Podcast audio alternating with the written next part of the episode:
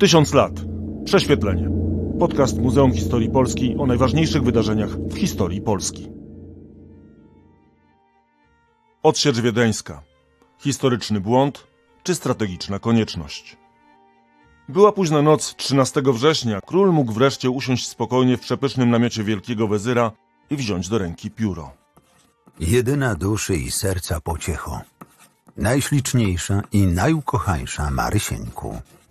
Bóg i Pan nasz na wieki błogosławiony dał zwycięstwo i sławę narodowi naszemu. O jakiej wieki przeszłe nigdy nie słyszałem. Działa wszystkie, obóz wszystek, dostatki nieoszacowane dostały się w ręce nasze. Nieprzyjaciel, zasławszy trupem, a proszę pola i obóz, ucieka z konfuzji. Wezyr tak uciekł od wszystkiego, że ledwo na jednym koniu i w jednej sukni. Jan III Sobieski mógł rozkoszować się chwilą. Takich triumfów w polskiej historii było niewiele. Takiego, na który zwrócone były oczy całej Europy i który mógł decydować o losach całego kontynentu, wyjąwszy może bitwę pod Grunwaldem i znacznie późniejszy cud nad Wisłą, ani jednego. Zwycięstwo pod Wiedniem nie tylko przyniosło Sobieskiemu nieśmiertelną sławę, ale też bez wątpienia miało wielki wpływ na historię świata. Tyle, że samej Polsce dało niewiele. Ba, wielu historyków twierdzi, że nawet się nie opłacało, a nawet przyniosło krajowi zgubę. Dlaczego? Łukasz Starowiejski, zapraszam na kolejny odcinek podcastu Tysiąc lat prześwietlenie. Tym razem prześwietlimy odsiecz wiedeńską, szukając odpowiedzi na pytanie, czy wiedeńska wyprawa miała sens. Dlaczego to wielkie zwycięstwo nie zostało właściwie wykorzystane, a korzyści były tak małe? Czy rzeczywiście cesarz kilka dni po wiktorii upokorzył polskie wojsko, a Austriacy okazali się niewdzięcznikami? Co zyskała, a co straciła Rzeczpospolita na przystąpieniu do Ligi Katolickiej po wiktorii wiedeńskiej? Dlaczego, gdy wszyscy nasi sojusznicy obłowili się w wojnie z Turcją po uszy, my od Porty nie odzyskaliśmy nawet kamieńca podolskiego? Czy zamiast walczyć z Turkami, nie lepiej było odzyskać Prusy książęce, niwecząc w zarodku plany stworzenia Królestwa Pruskiego? I wreszcie, czy Sobieski rzeczywiście winny był zaborom? Część pierwsza. Lew Lechistanu patrzy na północ. Wcale nie od początku Jan III Sobieski szukał zwady z Turkami. Wręcz przeciwnie. Choć to właśnie zwycięstwa nad Półksiężycem przyniosły mu nieśmiertelną chwałę, a tryumf pod Chocimiem, jedna z największych wiktorii w historii oręża polskiego, wyniósł go na tron królewski. Czas na chwilę zajrzeć za kulisy wielkiej polityki. W Polsce walczyły ze sobą magnackie stronnictwa, proaustriackie i profrancuskie, oba sowicie opłacane przez zagraniczne dwory. Do tego drugiego przez długi czas, jeszcze jako hetman, należał Jan Sobieski. Podobnie jak inni magnaci brał całkiem pokaźną pensję od francuskiego króla, co w owych czasach nie było niczym ani odosobnionym, ani uważanym za zdrożne. A profrancuskość króla wspierała dodatkowo małżonka Maria Kazimiera, która choć niemal całe życie spędziła w Polsce, była jednak rodowitą Galijką. Przynależność do obozu finansowanego przez Paryż miała swoje przełożenie na politykę. Francja w owych czasach szła z Turcją ręka w rękę, a wspólnym przeciwnikiem była cesarska rodzina Habsburgów. Dlatego wojna z Turkami nie była początkowo Sobieskiemu po drodze. Był to powód główny, ale nie jedyny. To Francuzi byli architektami planu, by Polska wraz z Szwecją zaatakowały Brandenburgię. Zyskiem dla Rzeczpospolitej miało być zajęcie Prus książęcych. Tajny układ z Francją, zawarty w 1675 roku, mówił wyraźnie, że terytorium owo jest dawnym lennem Polski, którego niezależność wasal ów wymusił na zmarłym królu Janie Kazimierzu, gdy władca ten znajdował się w wojnie ze Szwecją i Moskwą. Plan miał drugie dno. Jan III chciał uczynić księciem pruskim swego syna Jakuba Sobieskiego. Nie ostatnia to zresztą próba zdobycia tronu dla pierworodnego. Polityczna układanka, która ostatecznie spowodowała porzucenie tych zamiarów, była niezwykle skomplikowana. Posłuchajmy dr Anny Kalinowskiej z Muzeum Historii Polski. Jan III jest kojarzony głównie jako władca skoncentrowany na polityce wschodniej, zwłaszcza na kwestiach tatarskich i tureckich. Musimy jednak pamiętać, że był to człowiek znający Europę Zachodnią i zdający sobie sprawę z zależności geopolitycznych. Miał też osobiste interesy na północy. Przed wyborem na króla był starostą gniewskim, co czyniło go właścicielem jednych z największych dóbr w Prusach Królewskich, więc sprawy bałtyckie były mu bliskie choćby z tego powodu. Kwestia odzyskania Prus książęcych była dość świeża. Rzeczpospolita straciła kontrolę nad tym terytorium na mocy traktatów z 1657 roku, podpisanych w bardzo trudnych okolicznościach. Chodziło o odciągnięcie elektora brandenburskiego od sojuszu ze Szwecją i Rakoczym podczas potopu. Udało się to osiągnąć, ale za bardzo wysoką cenę, czyli utratę Lenna pruskiego. Sobieski słusznie uznawał traktaty za błąd.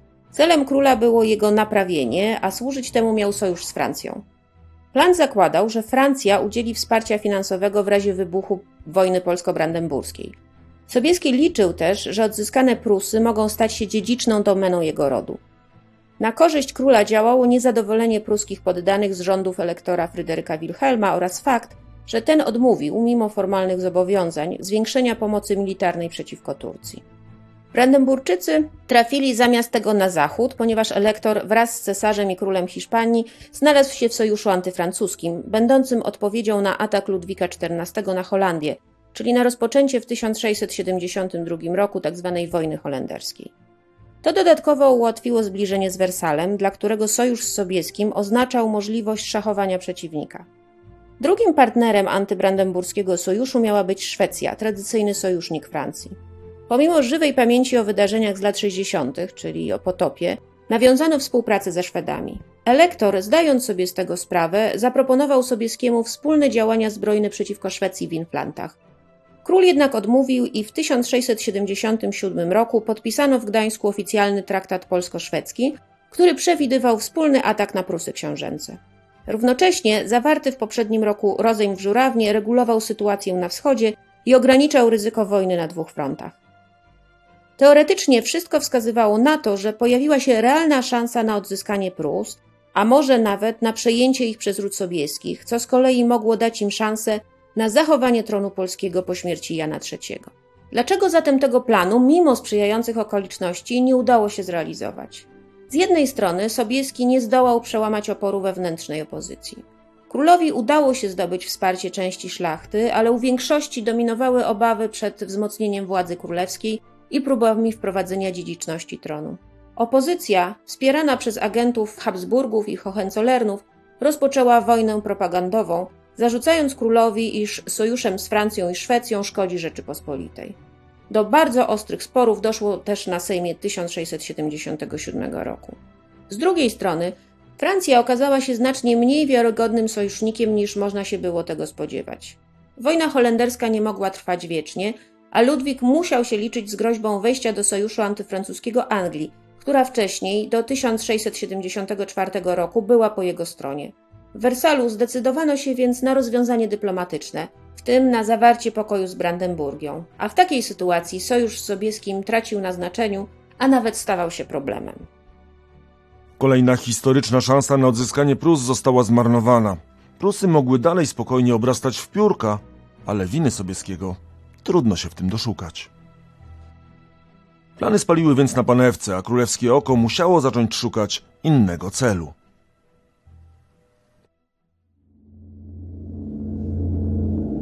Część druga. Tureckie fatum. Przeznaczenie. Czyżby to ono kierowało kroki króla Jana zawsze w tę samą stronę i zmuszało go wciąż na nowo do walki z niewiernymi? Sam sobie skimawiał. Pradziad, dziad, wuj i brat rodzony od pogańskiej położony ręki. Jakiego przykładu w domach lub rycerskich i wojennych podobno mało się trafiało. Ów pradziad to nie kto inny jak jeden z najwybitniejszych polskich wodzów w historii Stanisław Żółkiewski. Na nagrobku wielkiego hetmana wyryto napis Powstanie kiedyś z kości naszych, mściciel. Miał się Jan za co mścić. W niewoli tatarskiej po bitwie pod Batochem zamordowany został jego starszy, wówczas 23-letni brat Marek. Właściwie od najwcześniejszych lat Jan walczył z niewiernymi, brał też udział w rokowaniach z Tatarami, a nawet przez pewien czas był zakładnikiem. W 1654 roku przebywał z poselstwem polskim w Stambule. Poznał tamtejsze języki, uczył się tatarskiej i tureckiej taktyki wojskowej oraz organizacji armii. Z wiedzy tej czerpał pełnymi garściami w kolejnych wojnach z niewiernymi, bo batalie toczyły się niemal nieustannie.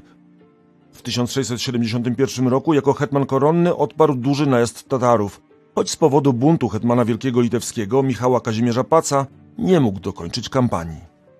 Bezsilny był natomiast wobec ofensywy tureckiej w roku kolejnym. Miał za mało wojska. Najazd ogromnej armii półksiężyca okazał się brzemienny w skutki. Skończył się upadkiem Kamieńca Podolskiego, w którym notabene zginął prawdziwy pułkownik Michał Wołodyjowski, pierwowzór sławnego bohatera trylogii Sienkiewicza. W Buczaczu podpisany został upokarzający traktat. Rzeczpospolita straciła Podole i zobowiązała się do płacenia Turcji rocznego trybutu. W języku dyplomatycznym oznaczało to jedno. Polska stała się lennikiem. Pokój w Buczaczu to był siarczysty policzek.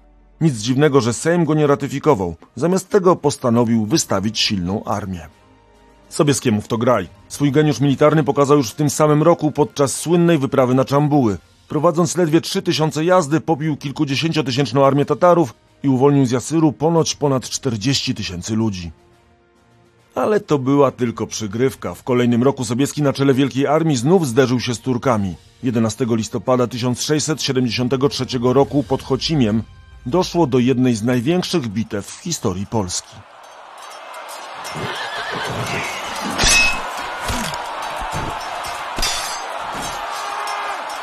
Naprzeciw siebie stanęły potężne armie, 40-tysięczne wojsko Rzeczpospolitej i liczące o kilka tysięcy szabel więcej siły tureckie. Klęska Turków była zupełna. Ocalało ledwie kilka tysięcy przeciwników. W całej historii Polski niewiele mamy takich zwycięstw. Dla Turków była to pierwsza duża klęska w Europie. Ten triumf zapewnił Sobieskiemu nie tylko miejsce w historii, ale przede wszystkim tron królewski. Dzień przed bitwą zmarł nieudolny Michał Korybut-Wiśniowiecki.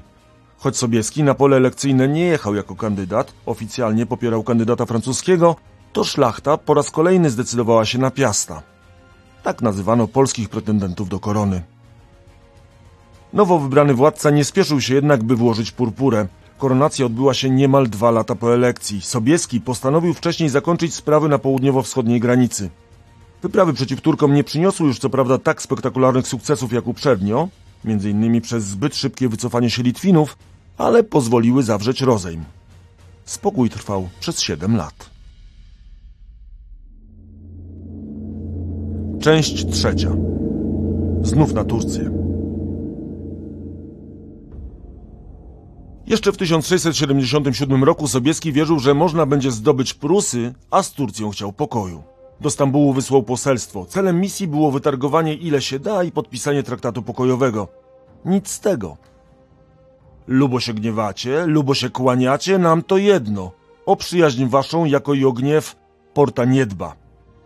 Skwitował starania delegacji nowy wielki wezyr Kara Mustafa. Ostatecznie Porta zachowała Podole i większą część Ukrainy prawobrzeżnej, oddając jedynie około 1 trzeciej zajętych terenów z Białą Cerkwią. Nie udało się też zawrzeć porozumienia przeciw Moskwie. To nie były zadowalające warunki. A po tym, jak prysły marzenia o zajęciu Prus książęcych, król potrzebował nowego celu. Czy można było znaleźć lepszy niż Turcja?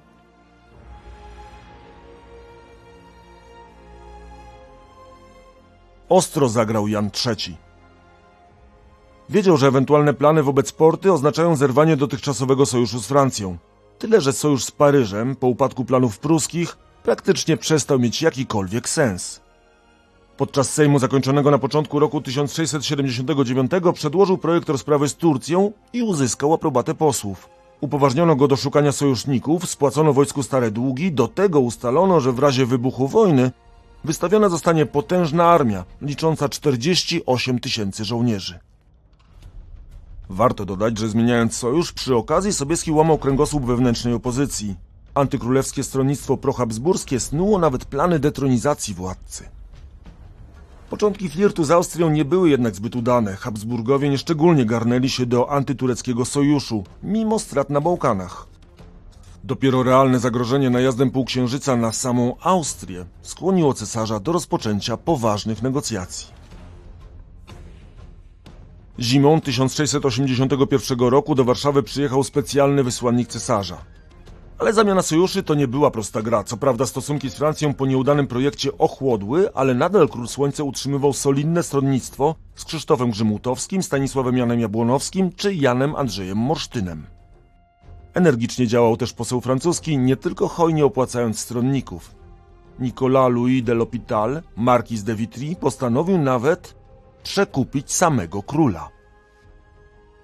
Tak to opisuje współczesny austriacki historyk Johannes Sachsleiner w książce Wiedeń 1683, rok, który zdecydował o losach Europy. Zaoferował 100 tysięcy liwrów, o ile ten zrezygnuje z sojuszu z cesarzem. Lecz polski władca bez wahania odrzucił propozycję posła, mówiąc, że pieniądze nie są w stanie skłonić go do działania, którego nie potrafiłby pogodzić z własnym poczuciem obowiązku. A była to, bez dwóch zdań, królewska łapówka, równowartość 63 kg złota. Sobieski trwał przy swojej decyzji i do tego trzymał w rękach mocne karty. Część opozycji skaptował stanowiskami. Między innymi Stanisławowi Jabłonowskiemu ofiarował buławę wielką koronną. Ze znanym poetą, Morsztynem, rozprawił się inaczej. Ujawnił jego związki z Francją i doprowadził do procesu i skazania poety. Morsztyn, jak niepyszny, wziął nogi za pas i zbiegł do swojego protektora. Droga, która ostatecznie doprowadziła Jana III pod Wiedeń, została oczyszczona. Można było już podpisać traktat z cesarzem. Sprzymierzeńcy zobowiązali się iść sobie z pomocą w sytuacji, gdy oblegany byłby Kraków lub Wiedeń. Rzeczpospolita miała wystawić 40 tysięcy, a cesarstwo 60 tysięcy żołnierzy. Traktat podpisano 1 kwietnia 1683 roku. Prima Aprilis już wtedy nie był dobrą datą do zawierania poważnych umów. Sojusz antydatowano na 31 marca. W Austrii zapanowała ulga. Pisał austriacki kronikarz. A oto po ciężkiej burzy błysnął jasny płomień słońca i niespodziewanie smutek przemienił się w radość, bo przywieziono z Warszawy z dawno oczekiwane i szczęśliwie zawarte dzieło sojuszu. Cesarz miał sfinansować i sfinansował część zaciągu polskiego, bo choć układ obronny był dwustronny, to już nie było wątpliwości, w którym kierunku uderzy turecka nawałnica. Część czwarta. Półksiężyc na podbój Europy. Już w styczniu bowiem w Adrianopolu wystawione zostały buńczuki sułtańskie, znak rozpoczęcia wojny. Pod miastem zaczęły gromadzić się kolejne oddziały. W drugiej połowie marca do obozu przeniósł się sam sułtan, Mehmed IV. Oddziały ruszyły przez Płowdiw, Sofię do Belgradu. Na początku czerwca główne siły dotarły do Osijeku nad Sawą i skierowały się w stronę granicy państwa Habsburgów. Pisał Dżebecz Hasan Eziri, ówczesny turecki kronikarz i świadek wyprawy. Owo przestronne pole było wówczas tak zatłoczone wojskiem, że zdawało się, że zebrali się na nim co do jednego wszyscy ludzie oraz wszystkie konie, wielbłądy, woły i owce, jakie są tylko na świecie. Armia rzeczywiście była ogromna.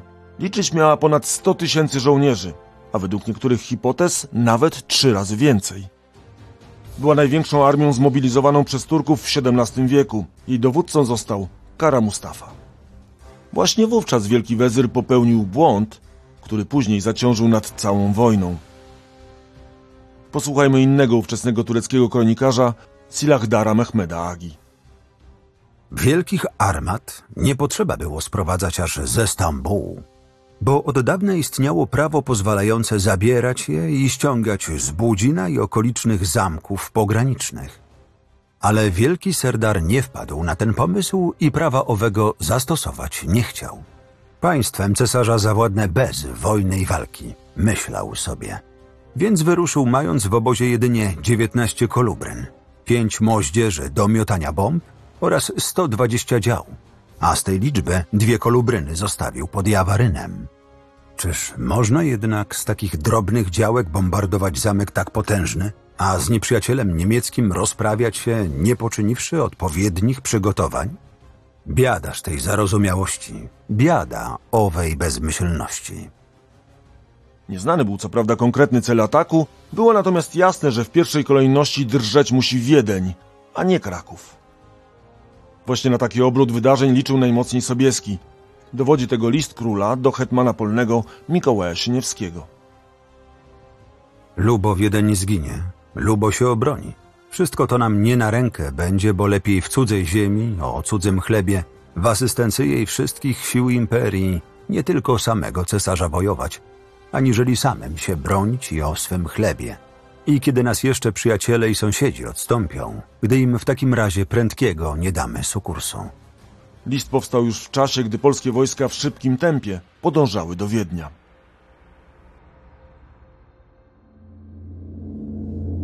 Część piąta. Mobilizacja i droga pod Wiedeń. Wcale nie było łatwo przejść od słów do czynów. Sejm uchwalił co prawda podatki, ale należało je jeszcze zebrać. Początkowo więc Sobieski wystawiał wojsko potrząsając własną szkatułą oraz korzystając z pieniędzy przesłanych przez cesarza. Mobilizację zarządzono na początek lipca w Krakowie. Mniej więcej w tym samym czasie, 10 lipca, Turcy stanęli pod murami Wiednia. Koncentracja wojsk polskich i litewskich przebiegała opornie. Najbardziej w drodze zamorudzili Litwini. Pisał w pamiętnikach Jan Chryzostom Pasek. Oczekiwał król na wojsko litewskie długo, a tu lecą od cesarza poseł za posłem, prosząc dla Boga, żeby pośpieszyć, bo Wiedeń ginie. Już wtedy, Litwy nie mogąc się doczekać, poszedł król wota solenne Bogu uczyniwszy. Szedł jednak król z wojskiem szybkimi pochodami, obawiając się, żeby Wiedniowi nie było post bellum pomoc, któremu też już na ten czas Turcy mocno poczęli dogrzewać. Król z armią ruszył wreszcie pod koniec lipca. Kawalkada musiała ciągnąć się kilometrami. W sumie z Krakowa wyszło 26 tysięcy żołnierzy i 29 tysięcy koni, a także 8 tysięcy wozów z zaopatrzeniem.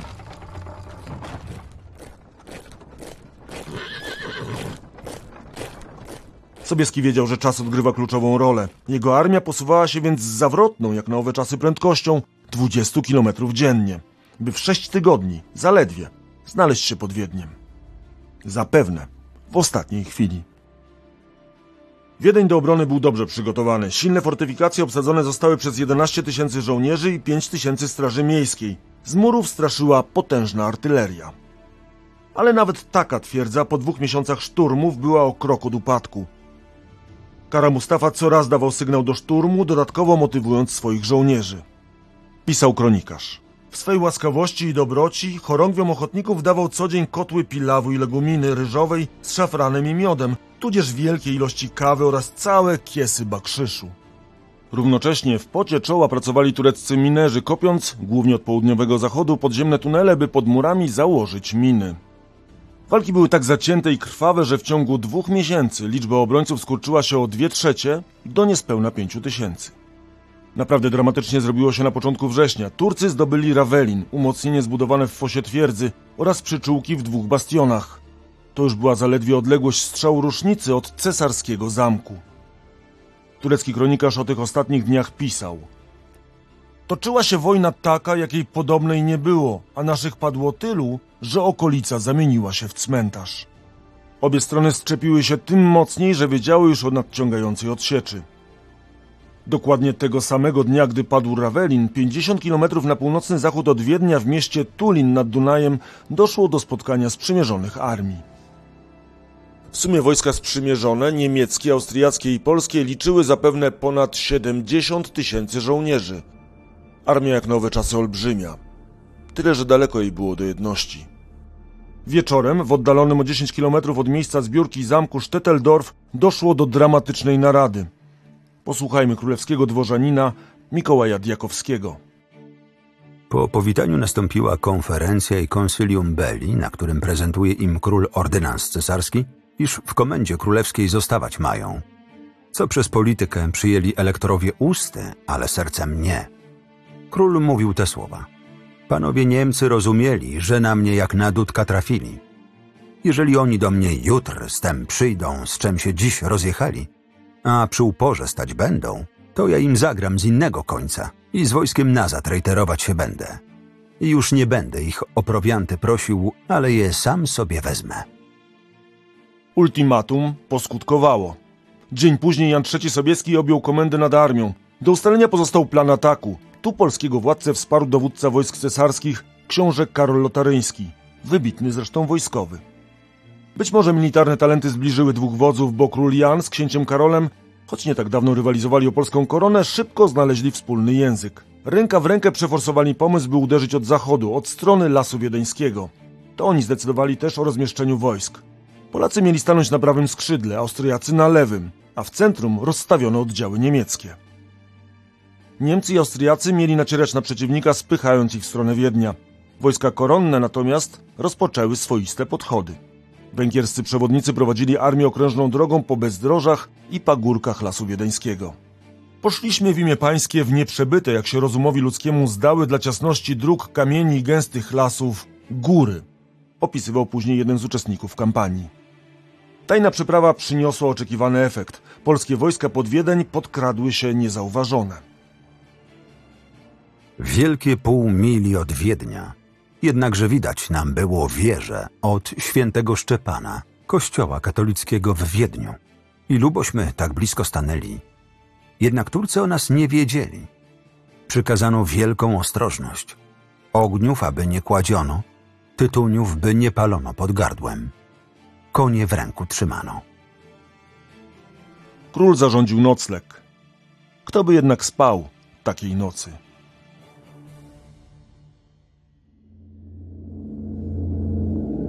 Część szósta. Dzień triumfu. Jan III też nie pospał zbyt długo. Nakręciwszy na godzinę trzecią po północy zegarek, który blisko siebie kazał położyć, żeby go ekscytaż obudził. Jak nastała godzina trzecia, tak za spadnięciem ekscytaża budzi się król.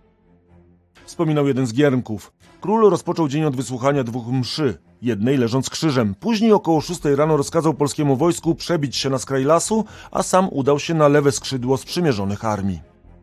Kara Mustafa przeciw sojusznikom rzucił, według różnych źródeł, od 65 do 80 tysięcy żołnierzy, przy okazji kolejny raz grzesząc pychą.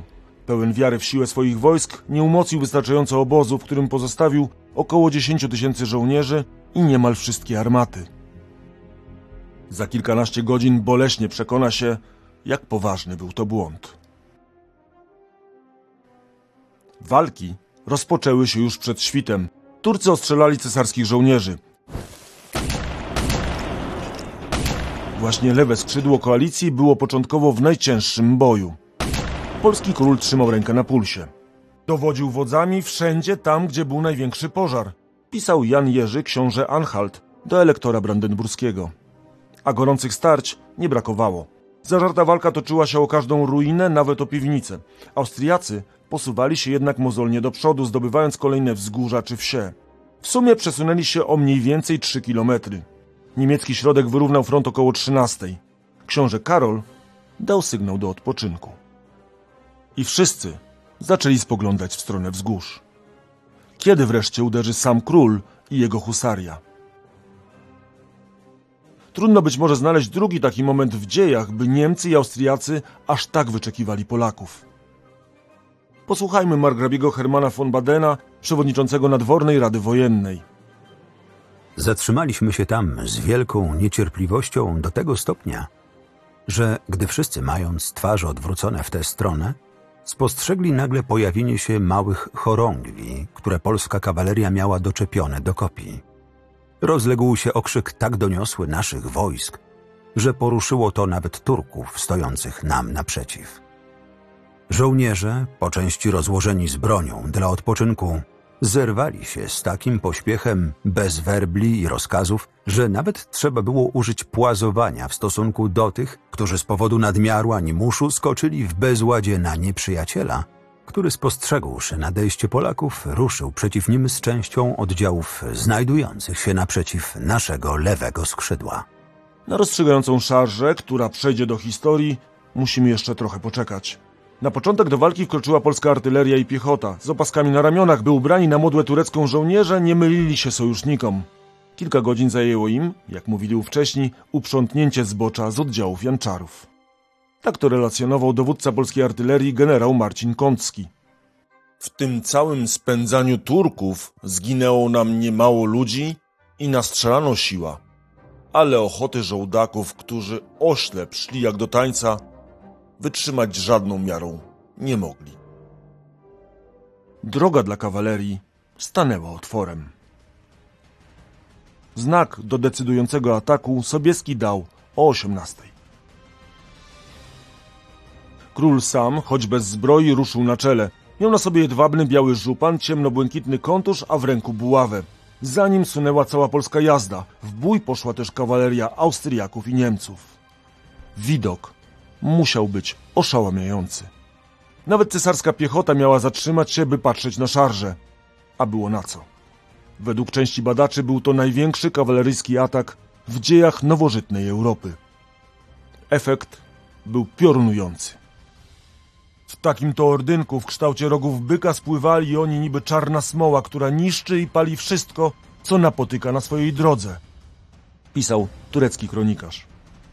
Tuż przed zderzeniem z nieprzyjacielem król zawrócił, ale rozpędzona husaria z okrzykami Jezus Maria ratuj i bij zabij wbiła się z impetem w linię wojsk tureckich. Atak był tak gwałtowny, że Turcy zdołali oddać tylko jedną salwę. Linia obrony została błyskawicznie przełamana. Wystarczyło pół godziny, by konny walec zgniótł doszczętnie siły tureckie i dotarł do obozu. Kara Mustafa zarządził odwrót, choć bardziej przypominało to bezładną ucieczkę. Bitwa była wygrana, a Wiedeń oswobodzony. Mógł Sobieski napisać list nie tylko do żony, ale też do papieża. Ojcze Święty, venimus, vidimus et Deus vicit. I wysłać mu wyszywany złotem zielony sztandar, który powiewał nad namiotem wezyra. Cała bitwa trwała około 12 godzin. Jak pisał hrabia Francis Taffet, Irlandczyk w służbie cesarskiej, muszę dodać, że nigdy zwycięstwo o tak wielkim znaczeniu nie kosztowało tak mało krwi. Według różnych szacunków w bitwie zginęło od 1500 do 2000 sprzymierzonych oraz od 10 do 15 tysięcy Turków. Niezwykłe były też łupy. Zwycięzcy zdobyli 117 armat, po 20 tysięcy granatów i kul działowych, 1000 bomb, od 15 do 20 tysięcy namiotów, 5 tysięcy wielbłądów i całe fury, dosłownie, dóbr luksusowych, kobierców, kosztowności, broni czy nawet pieniędzy. Król Jan odprawił do Krakowa aż 80 wozów z bronią, siodłami, namiotami, arrasami i innymi cennymi przedmiotami zdobytymi w obozie tureckim. Mógł z zadowoleniem pisać do Marysieńki. Nie rzekniesz mnie tak, moja duszko, jako więc tatarskie żony mawiać zwykłym mężom bez zdobyczy powracającym, żeś ty nie junak kiedyś bez zdobyczy powrócił, bo ten, co zdobywa, w przedzie być musi. A turecki kronikarz Silagdar Mehmed w krótkich słowach kwitował wiedeńską bitwę. Porażka i przegrana była przeogromna. Klęska taka, jaka od początku państwa nigdy się jeszcze nie wydarzyła.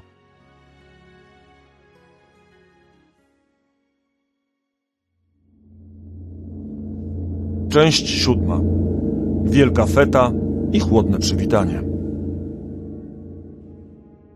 We wspomnianym już kilkakrotnie liście do Marysieńki pisał król o chwilach chwały. Przybiegały tedy do mnie książęta, jako to elektor bawarski, Waldeck. Ściskając mię za szyję, a całując w gębę, a generałowie zaś w ręce i w nogi. Cóż dopiero żołnierze. Wszystko to całowało, obłapiało, swym salwatorem zwało. Sam lud wszystek pospolity całował mi ręce, nogi i suknie.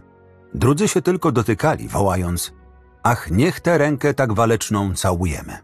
Chcieli byli wołać wszyscy wiwat, ale to było znać po nich, że się bali oficerów i starszych swoich. Kupa jedna nie wytrwała i zawołała wiwat pod strachem, na co widziałem, że krzywo patrzono. Już jednak nawet w ten dzień chwały zaczynają pobrzmiewać fałszywe tony. Cesarz przybywa do miasta dwa dni po bitwie i dzień po tym, jak do jego stolicy wkroczył Jan III. Na spotkanie z polskim królem mu nie spieszno. Najpierw wizytuje miasto, później swoje oddziały. Do spotkania na szczycie dochodzi dopiero kolejnego dnia po południu. By uniknąć problemów ceremonialnych, obaj przyjeżdżają na koniach i stają twarz w twarz. Polski władca pozdrawia cesarza po łacinie. Przywitaliśmy się tedy dosyć ludzko. Uczyniłem mu komplement kilką słów po łacinie. On tymże odpowiedział Jerzykiem dosyć dobrymi słowy. Po czym wszystko zaczyna się psuć. Do cesarza podjeżdża syn Sobieskiego Jakub. Leopold nie reaguje, nie podnosi nawet ręki do kapelusza, co zarówno król, jak i polscy dygnitarze uznają za afront. Cesarz bez słowa czy gestu przejeżdża przed polskim wojskiem. Po kilkuminutowym spotkaniu władcy się rozjeżdżają. Aroganckie zachowanie cesarza przechodzi do polskiej historii. Ale czy rzeczywiście to był afront? I jaka była motywacja cesarza? O tym doktor Anna Kalinowska z Muzeum Historii Polski. Słynne wydarzenia z 15 września, których głównym bohaterem stał się mimowolnie polski królewicz, bardzo trudno jednoznacznie zinterpretować. Bardzo szczegółowo przeanalizowała je profesor Aleksandra Skrzypiec w swojej wydanej kilka lat temu świetnej biografii Jakuba.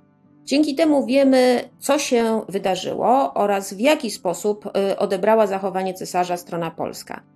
Nie ma też wątpliwości, że dwór cesarski próbował zatrzeć złe wrażenie, jakie wywołało zachowanie Leopolda I, ale nadal nie możemy podać jednego prostego powodu, dla którego Habsburg zignorował młodego Sobieskiego. Można je raczej mnożyć. Na pewno istotny był tu kontekst polityczny.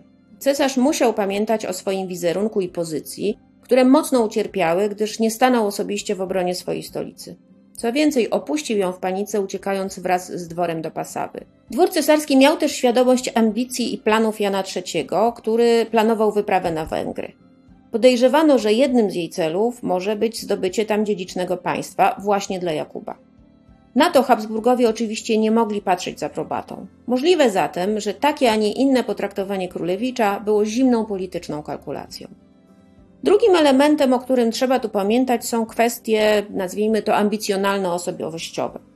Po odsieczy wiedeńskiej Sobieski traktowany był jako wybawca cesarskiej stolicy. Ani dla cesarza, ani dla pozostałych dowódców biorących udział w bitwie tak ogromna popularność polskiego władcy nie mogła być miłym doświadczeniem. Jednocześnie trudno było odmówić Janowi III tego, że to obecność jego armii uratowała sytuację. Zdawano więc sobie sprawę z konieczności traktowania jego samego w odpowiedni sposób. Innymi słowy, nikt nie mógł sobie pozwolić na bezpośredni afront wobec króla, nawet jeśli nieprzychylnie patrzył na składane mu hołdy. Skrywana niechęć mogła zatem znaleźć ujście w sposobie, w jakim potraktowano jego syna. Nie bez znaczenia był problem etykiety, który i tak sprawiał wiele kłopotów podczas przygotowań do spotkania Sobieskiego z cesarzem. Leopold spotykał się z królem, co prawda elekcyjnym, ale jednak pełnoprawnym monarchą. Pozycja Jakuba, jak wszystkich synów polskich władców elekcyjnych, była inna. Stał w hierarchii niżej niż następcy tronów dziedzicznych, ponieważ następcą tronu nie był i to też mogło odegrać tu swoją rolę. Sam cesarz był ogromnym formalistą, jego dwór skrupulatnie przestrzegał zasad ceremoniału, który miał potwierdzać jego najwyższą pozycję, więc mógł uznać, że nie ma obowiązku, by wyróżnić osobę o znacznie niższym statusie, jaką był w jego oczach Jakub. W końcu, choć brzmi to wręcz niewiarygodnie, istnieje możliwość, że cesarz po prostu nie dostrzegł gestu młodego Sobieskiego. Tak zresztą całą sytuację tłumaczył sam Jakub. Jak stwierdził, możliwe, iż Leopold nie widział jego powitania, ponieważ, i tu cytat z Królewicza, Spadające aż na ramię biura wzrok mu zasłaniały. Możliwe też, że cesarz zmuszony był skoncentrować się w danej chwili na opanowaniu niespokojnego wierzchowca. Wiemy natomiast, że kilka dni po nieszczęsnym spotkaniu Jakub otrzymał od cesarza w prezencie zdobioną diamentami szpadę, a austriaccy dworzanie próbowali przekonywać y, Jana III, że Leopold nie zdążył sięgnąć do kapelusza, by odpowiedzieć na powitanie królewicza, ponieważ spieszył się, by uścisnąć dłoń jego ojca. Nie zmienia to jednak faktu, że relacje z Polakami nie uległy już poprawie. Bez względu na powody zachowania cesarza, fakty pozostają niezmienne. Relacje z Polakami nie uległy już poprawie. Po tym się widzeniu zaraz tak wszystko się odmieniło i akoby nas nigdy nie znano. Stoimy tu nad brzegami Dunaju, jak kiedyś lud izraelski nad babilońską wodą, płacząc nad niewdzięcznością tak nigdy niesłychaną. Pisał 17 września Sobieski do Marysieńki. Austriacy odmówili dostarczenia prowiantu, nie zgodzili się na chowanie poległych w granicach miasta, a niekiedy nawet strzelali do głodnych polskich żołnierzy. Były też problemy z pozyskaniem statków niezbędnych do przewiezienia rannych i chorych do szpitali. Za to sława bohaterskiego wodza i jego armii poniosła się po całej Europie. Znów oddajmy głos dr Annie Kalinowskiej.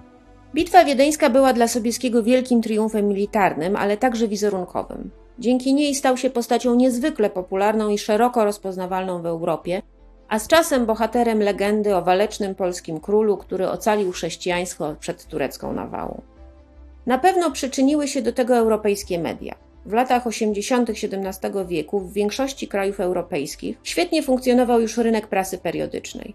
Informowała ona swoich czytelników o najnowszych wydarzeniach a oblężenie Wiednia i odsiecz z racji ich znaczenia były bardzo szczegółowo relacjonowane na jej łamach. Anglii i Francji, gdzie najważniejsze publikacje prasowe, The London Gazette oraz La Gazette, przez całe lato niezwykle szczegółowo informowały o ataku tureckim na ziemie habsburskie, a następnie o oblężeniu stolicy i przygotowaniach wojsk Ligi Antytureckiej do ataku na armię Kara Mustafy. Także wiadomość o pokonaniu Turków szybko trafiła na łamy prasy. Pierwsza informacja o zwycięstwie sił chrześcijańskich o zasługach Sobieskiego ukazała się w London Gazette dokładnie w 10 dni po bitwie. Co ciekawe, francuscy wydawcy byli wolniejsi. Szczegółowy raport na temat bitwy opublikowali dopiero w pierwszych dniach października. Stało się tak zapewne, ponieważ zwykle prasa paryska bazowała na bezpośrednich raportach jednego ze swoich informatorów, który rezydował w Lincu. W połowie września nadesłał on dwie korespondencje. Jedną datowaną na kilka dni przed bitwą, a drugą zawierającą szczegółowy opis zmagań militarnych datowaną trzy dni po niej. Bezpośrednia relacja z Wiednia została opublikowana w Paryżu dopiero 9 października, czyli niemal miesiąc po bitwie. Natomiast pierwsze doniesienia opublikowane w Londynie pochodziły z Brukseli, dokąd dotarły za pośrednictwem specjalnego kuriera wyprawionego przez cesarza. Tym czasie raporty na temat wydarzeń pod Wiedniem były też już oczywiście znane czytelnikom prasy niemieckiej i niderlandzkiej. Drugim medium mistrzowsko wykorzystanym przez polskiego władcę była prasa ulotna. Dłuższe lub krótsze druki prezentujące ważne wydarzenia, takie jak bitwy, koronacje, ceremonie dworskie, uroczyste wjazdy, były nadal bardzo istotnym elementem europejskiego rynku informacyjnego, mimo iż popularność, jaką cieszyły się we wcześniejszym okresie, malała właśnie z powodu pojawienia się prasy periodycznej. Sobieski w słynnym liście, cytowanym na początku tego podcastu, prosił żonę, by ta wydała drukiem przesłany przez niego opis bitwy. Królowa rzeczywiście zastosowała się do prośby męża. Kazałam zrobić gazetę, taką jaka powinna być, informowała króla wkrótce Maria Kazimiera, wyjaśniając przy tym, że zdecydowała się opatrzeć tekst komentarzami wyjaśniającymi czytelnikom, iż Jan III nie zachował dla siebie cennych zdobyczy z obozu tureckiego, lecz że trafiły one do żołnierzy, innych dowódców, a nawet samego cesarza. Trudno interpretować takie działania inaczej niż jako mające na celu budowę jeszcze bardziej pozytywnego wizerunku polskiego władcy. Owa Gazeta Królowej okazała się dużym sukcesem wydawniczym. Wiemy o przynajmniej pięciu polskich i ośmiu niemieckich edycjach, a także wydaniach włoskim, hiszpańskim, angielskim, a nawet duńskim. Jeśli dodamy do tego inne druki ulotne dotyczące bitwy pod Wiedniem, e, wydawane w całej Europie, możemy bezpiecznie uznać, że odsiecz była najważniejszym wydarzeniem medialnym w Europie w pierwszej połowie lat 80. XVII wieku. Jan III wcale nie zamierzał się jednak tylko wygrzewać w chwale triumfu, ani tym bardziej spoczywać na laurach. Miał plan, który o mało nie doprowadził do jego śmierci. Część ósma. Na kole fortuny. Klęska i zwycięstwo. Wydawać by się mogło, że po wielkiej wiktorii najgorsze, co mogło zdarzyć się polskiemu królowi, czyli cesarski afront, już się wydarzyło. A jednak. Niedługo po triumfie Jan III znalazł się o krok od klęski i śmierci. A wszystko przez zbytnią wiarę w swoją szczęśliwą gwiazdę. Jak do tego doszło? Wróćmy jeszcze raz pod Wiedeń. Cel główny, uwolnienie miasta od omlężenia, został osiągnięty, ale dla Sobieskiego równie ważny był cel drugi rozbicie tureckiej armii. A tego osiągnąć się nie udało. Kara Mustafa lizał ranę i już porządkował swoje wojsko. Sobieski nie zamierzał na to pozwolić. Jeszcze raz wypada zajrzeć do prywatnej korespondencji króla Jana. Już wtedy wsiadamy na koń ku węgierskiej stronie, prosto za nieprzyjacielem. Książęta Saski i Bawarski dali mi słowo i na kraj świata iść za mną. Musimy iść dwie mili wielkim pośpiechem dla wielkich smrodów od trupów, koni, bydeł, wielbłądów. Choć Jan III pozostał wodzem, to jednak kierunek marszruty wybrali dowódcy cesarscy. Sobieski chciał od razu uderzyć na Budę, gdzie zbierały się siły tureckie. Austriacy woleli zaatakować górne Węgry, czyli w przybliżeniu terytorium dzisiejszej Słowacji. Trwała tam antyhabsburska rebelia, szczególnie groźna dla cesarstwa, bo wspierana właśnie przez Turków. Strategicznym celem była położona nad Dunajem twierdza Esztergom, oddalona od Budy mniej więcej o 50 kilometrów. Na wieść o tym Kara Mustafa wysłał odsiecz około 20 tysięcy żołnierzy, głównie jazdy, o czym sprzymierzeńcy nie wiedzieli. Sobieskiego ten brak wiedzy połączony z nadmierną pewnością siebie mało nie kosztował życia. Niewielką twierdzę w Parkanach chciał zdobyć z biegu szybkim atakiem. Na nic zdały się rady i groźby księcia lotaryńskiego, który nawet zapowiedział, że w razie niepowodzenia nie przyjdzie mu z pomocą. Nieprzygotowane wojsko wpadło w pułapkę, dodatkowo niesubordynacja i brak koordynacji działań spowodowały popłoch. Polacy rzucili się do ucieczki. Uchodzić musiał nawet sam król. Przy okazji też spotykając się za frontami znacznie gorszymi niż cesarski, bo od własnych żołnierzy. Jak tylko towarzysz mijał króla, to koniuszy wołał. Mości panowie, widzicie kto jest? Wstrzymajcie konia. To każdy, co mija, odpowiada niepoczciwie, a dalej umyka. Jechał cię pies z nim. Lepiej było spod Wiednia po Wiktoryi wrócić się. Ginisz, teraz taki a taki. To nie cudzą powieść piszę, ale to, co uszy moje słyszały i na co oczy moje patrzały, gdyżem sam nie prosto za królem, ale bokiem uchodził. Aż w tym punkcie nadgania i mija Rajtar, na którego miłosiernie woła koniuszy koronny. Panie Rajtar, tyś spod królewskiego regimentu. Wstrzymaj konia, a pilnuj nas. Będziesz miał wielki respekt i nagrodę. Tylko nie odstępuj. Wstrzymuje tedy Rajtar konia i po zadzie króla zostaje, aż Turczyn jeden, wysforowawszy się przed innymi z Dżydą, już blisko dopędza króla. Obrócił się Rajtar i zrównawszy z Turczynem, jak strzelił, tak Turczyn z dymem spadł. A inni nadciągali. Uczyniła się kubka koło tego Rajtara, który czyli zginął, czyli go zabrali, nie wiem. A tymczasem umknął król. Na szczęście dla Jana III książę Karol nie dotrzymał słowa. Poinformowany o dużych siłach nieprzyjacielskich nadciągnął z odsieczą. Życie króla zostało uratowane, ale honor mocno ucierpiał. Władca był wściekły na swoich podkomendnych. Pisał, że głupcy, niedbalcy i niepilni. I choć wyczerpany, niemal od razu rwał się, by zmazać plamę. Zapadł jednak zmrok i w końcu, za namową księcia lotaryńskiego, ostateczną rozprawę przełożono na dzień następny. O świtaniu naprzeciw siebie stanęły dwie potężne, około 30-tysięczne armie. Tylko przewaga w artylerii była wyraźnie po stronie sprzymierzonych. Bitwa trwała dwa dni.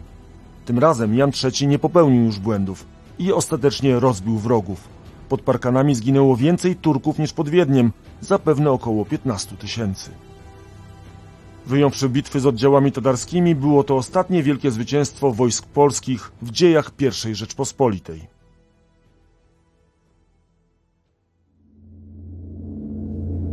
Część dziewiąta. Ciąg dalszy nie nastąpił. Na tym nie skończyły się walki Sobieskiego z Turkami, ale kolejne batalie nie były już dla Lwa Lechistanu zbyt udane. Król postanowił dołączyć do Świętej Ligi, sojuszu Austrii, Wenecji i papiestwa przeciw Półksiężycowi. I to udział w tej lidze, do której przystąpiła później Rosja, a nie zaangażowanie w odsiecz wiedeńską, wielu historyków uważa za największy błąd króla Jana. Pisał w Bożym Igrzyska Norman Davis. Wielki błąd Sobieskiego polegał na tym, że osiągnąwszy swój wielki triumf, zaangażował się w roku 1684 w mające się rozpocząć wojny Świętej Ligi. Koszt był ogromny, a dywidendy przypadły w udziale niemal wyłącznie sąsiadom i wrogom Rzeczpospolitej. 17 lat wojennych kampanii niemal ostatecznie wyczerpało siły Rzeczpospolitej i udaremniło wszelkie poważniejsze posunięcia w dziedzinie reformy wewnętrznej.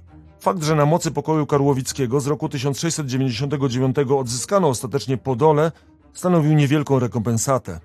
Na mocy tego samego traktatu rozrośnięta terytorialnie Rosja oraz skrzeszona Austria wyłoniły się jako mocarstwa. Prusy rozważały możliwość ogłoszenia się królestwem. A czy sama odsiecz była błędem? O tym Anna Kalinowska z Muzeum Historii Polski. Profesor Norman Davis bardzo krytycznie ocenił efekty działań Sobieskiego w 1683 roku i szczerze mówiąc trudno jest dziwić się takiej opinii. Musimy jednak pamiętać, że historyk ma tę przewagę nad bohaterami swoich badań, iż wie, jakie były dalekosiężne konsekwencje ich decyzji. Sobieski nie mógł przewidzieć przyszłości. Musiał opierać się na tym, co działo się tu i teraz. A sytuacja wiosną 1683 roku wyglądała tak, że polityka pruska zakończyła się klęską, a Francja nie była już wiarygodnym partnerem. Natomiast Europa Środkowa po raz kolejny stanęła w obliczu realnego zagrożenia ze strony Imperium Osmańskiego. Jak zauważył najwybitniejszy chyba znawca epoki Sobieskiego i autor doskonałej biografii króla, profesor Wójcik, Jan III nie dążył do wojny z Turcją. Był gotów zachować pokój nawet kosztem ustępstw. Liczył też, że będzie mógł zintensyfikować swoją działalność na północy i zachodzie. Upadek tych planów oznaczał dwie rzeczy. albo osłabotnienie polityczne, albo konieczność rozważenia zmiany sojuszy. Często e, przywoływany jest też argument, że odsiedź wiedeńska ocaliła Habsburgów, którzy 100 lat później, biorąc udział w rozbiorach, stali się jednymi z grabarzy Polski. Możliwe, że bez pomocy Sobieskiego losy cesarstwa potoczyłyby się inaczej. Ale w XVII wieku to nie cesarz, a Imperium Osmańskie stanowiło realne zagrożenie militarne dla Rzeczypospolitej. Król reagował na aktualne wydarzenia. Nie było w stanie przewidzieć, że pomoc dla Wiednia pośrednio spowoduje, że w kolejnym stuleciu Turcja przestanie praktycznie stanowić zagrożenie dla krajów europejskich, tak jak to miało miejsce od XVI wieku, a beneficjentami tej sytuacji staną się przede wszystkim Austria i Rosja. Musimy też pamiętać, kim był Sobieski, skąd pochodził, jak został wychowany i jakie doświadczenia za nim stały. Był człowiekiem, którego rodzina od pokoleń walczyła przeciwko naporowi tureckiemu. Był wychowany w duchu głębokiego katolicyzmu i przekonaniu, podzielanym przez dużą część brzeż szlacheckich, o szczególnej roli Polski jako przedmurza broniącego Europy przed pogańskimi wrogami. Nie wydaje się zatem, żeby można było na poważnie oskarżać króla o to, że pod Wiedeń poszedł tylko dla krótkotrwałego triumfu, późniejszej papierowej chwały i łupów. A niestety i z takimi opiniami można się spotkać. Nie był Sobieski wróżbitą, przyszłości tak odległej jak rozbiory przewidzieć nie mógł. Mógł za to zakładać, że kolejne zdobycze tylko zaostrzą apetyt Turcji i wcześniej czy później wytoczą na armaty w kierunku Polski. Powtórzmy więc słowa króla. Lepiej wojować na cudzej ziemi. Bez wątpienia wyprawa przyczyniła się do rozsławienia polskiego oręża, warto jednak dodać, że był to już łabędzi śpiew słynnej husarii, a polskie wojsko wówczas już zaczynało być przestarzałe. Wszystko to nie zmienia faktu, że niewiele jest tak wielkich zwycięstw, które przyniosłyby tak niewielkie korzyści. Wiktoria Wiedeńska Rzeczpospolitej praktycznie nic nie dała, odbiła się za to czkawką. Król Jan zbudował swoją legendę, ale sunącej samobójczą ścieżką na krawędź przepaści Rzeczpospolitej z drogi nie zawrócił. Trudno o to winić jednak Jana III. Był on ostatnim polskim królem, który prowadził samodzielną politykę i nie dał się wodzić za nos obcym mocarstwom. Ostatnim, za którego Rzeczpospolita była partnerem dla największych europejskich dworów. Po jego śmierci popadła w chaos czasów saskich. Niewiele czasu trzeba było, by stała się w praktyce protektoratem Rosji, a nieco ponad wiek później zniknęła z map świata. Choć pytanie, jak potoczyłyby się losy Europy i Rzeczpospolitej bez złamania pod Wiedniem tureckiego kręgosłupa, na zawsze pozostanie pytaniem bez odpowiedzi.